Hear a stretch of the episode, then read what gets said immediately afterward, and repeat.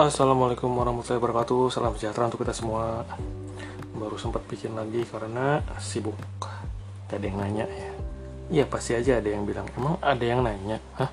Emang ada yang ngedengerin? Hah?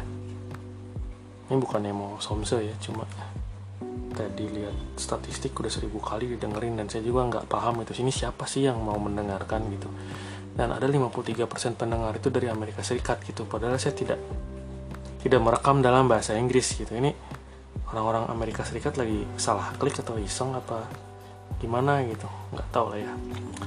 Yang jelas kali ini kita kita. Mau ngebahas serial legendaris judulnya Friends. Uh, jadi Friends ini pada minggu ini akan melaksanakan reuni akbar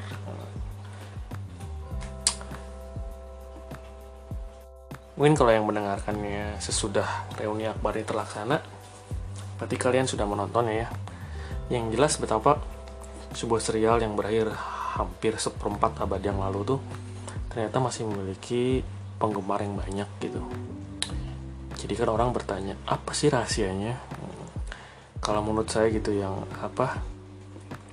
Yang ketika uh, serial Friends ini lahir saya masih remaja gitu menurut saya ini kekuatannya adalah pada uh, kenangan satu ya kopi kenangan pada kenangan yang diciptakan oleh serial Friends gitu yang akan mengingatkan para om dan tante ini pada suatu masa remaja yang tidak begitu pusing dengan cicilan, dengan masalah-masalah kehidupan rumah tangga dan lain hal, belum termasuk krisis eksis eksistensialisme. Ya gitu. Oke. Okay. Uh, kedua, yang menarik adalah leluconnya itu lelucon yang sangat receh ya. Lelucon sehari-hari yang tidak membutuhkan uh, referensi terhadap budaya pop atau referensi terhadap fisika yang rumit jelimet. Nggak perlu. Itulah menurut saya kelebihan Friends. Dan walaupun ini kisahnya adalah uh, di New York gitu. Tempat yang setengah bola dunia dari Indonesia dan dari negara-negara lain di luar Amerika Serikat gitu. Tapi kalau misalnya iseng ngecek ke YouTube gitu klip-klip soal Friends terus di scroll ke bawah gitu. Ada komentar-komentar itu komentar itu penonton internasional gitu. Ada yang dari Brazil ada yang dari Portugal ada yang dari Hong Kong ada yang dari Jepang gitu. Dan betapa mereka tuh semua dalam tanda kutip bersatu gitu menggemari serial Friends gitu. Menyukai tingkah pola Ross, Monica, Chandler, Joey, Rachel, Phoebe, dan tentunya Gantar. Oke, okay? jangan lupakan Gantar ya, walaupun dia hanya muncul 3 detik gitu, tapi dia adalah seorang bucin yang menunggu cintanya Rachel gitu, yang sampai episode terakhir pun tidak mendapatkannya gitu. Jadi itu menurut saya kekuatan yang kedua. Kekuatan yang ketiga komedinya ya seperti yang bilang tadi gitu ketika di poin kedua itu komedinya tidak perlu uh, tidak perlu tahu budaya pop tidak perlu tahu fisika gitu. Yang ketiga itu memang komedi itu bener-bener lucu universal dan bisa diterima oleh siapa pun gitu. Bisa dilihat kan dari komentar-komentar di YouTube untuk klip-klipnya entah itu klip yang diunggah oleh uh, saluran resmi atau klip-klip yang dibuat oleh fansnya itu betapa bahwa bertahun-tahun setelah serial Friends itu selesai mereka senang mengulang adegan-adegan tertentu yang bisa membuat mereka tertawa gitu. Karena memang ada jenis komedi yang ketika udah didengar dua tiga kali itu nggak begitu lucu gitu. Tapi uh, untuk serial Friends mau dengerin ber, beberapa kali pun tetap bisa ketawa gitu. Ya mungkin ini subjektif ya karena emang saya penggemar gitu. Dan bisa jadi generasi lain gitu Gen Z, Gen Alpha gitu mungkin dia tidak merasa terhubung dengan serial Friends yang uh, kenapa leluconnya nggak melibatkan Marvel Cinematic Universe gitu. Tapi patut dicatat gitu maksudnya hampir dua dekade setelah serialnya selesai antusiasme untuk menyambut reuni Friends ini begitu tinggi gitu. Betapa ketika posternya keluar, poster uh, reuninya keluar, semua orang berkomentar penuh dengan kebahagiaan gitu. Dan untuk bagi kalian-kalian yang berharap bahwa serial Friends itu akan dibuat ulang dengan pemeran yang sama menurut saya itu nggak masuk akal ya. Karena itu sudah diakhiri dengan sempurna. Dua dekade yang lalu. Ngapain dibuat ulang lagi gitu? Satu. Kedua itu para pemeran itu usianya udah 50 tahun ke atas gitu.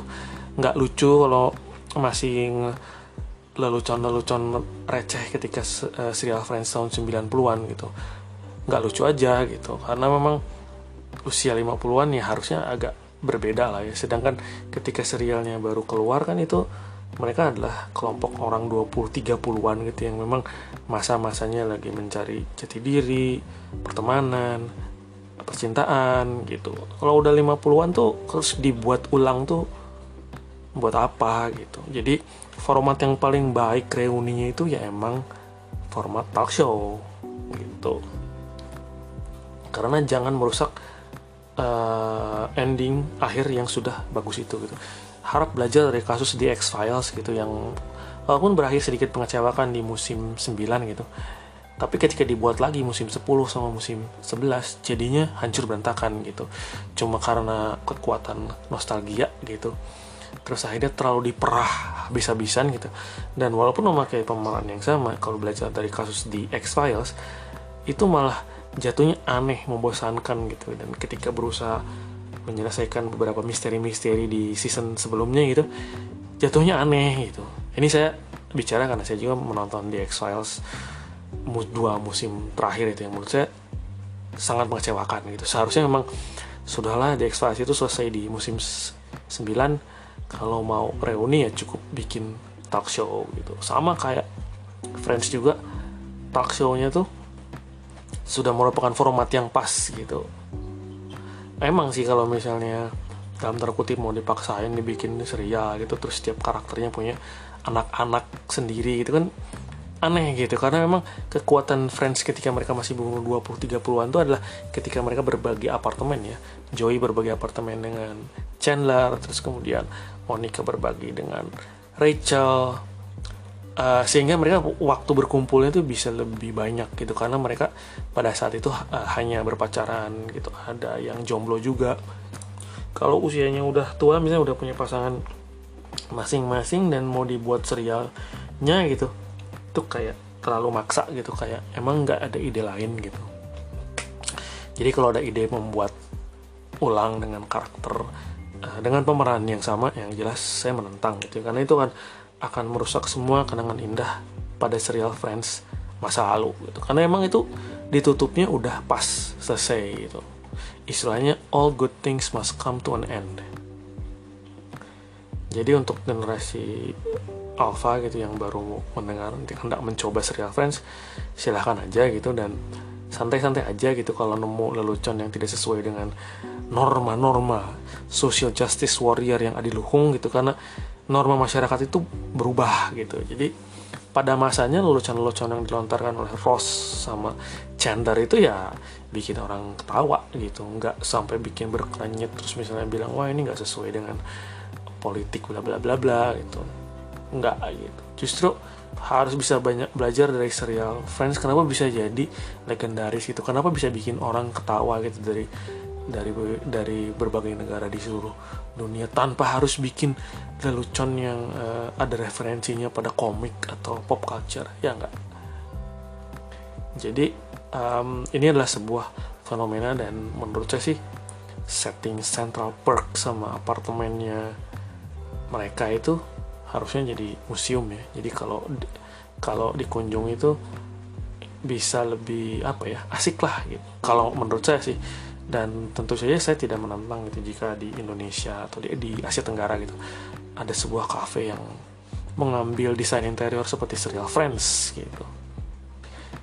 Bayangin kan jadi ketika serial Friends itu rilis itu belum ada smartphone kan belum ada media sosial gitu mana mereka tuh bertemu tuh benar-benar tatap muka beneran gitu dan kecemasan-kecemasan uh, terus juga rasa-rasa greget-gregetnya tuh ya memang pas banget gitu memang mungkin kalau sekarang generasi yang sudah terlalu banyak pakai media sosial dan dunia digital dia akan mungkin sulit untuk bisa terhubung dengan serial ini tapi nggak ada salahnya kok kalau mau mencoba gitu ini nggak kayak karya-karya Christopher Nolan Wah, udah hampir 10 menit. Sekian dan terima kasih telah mendengarkan.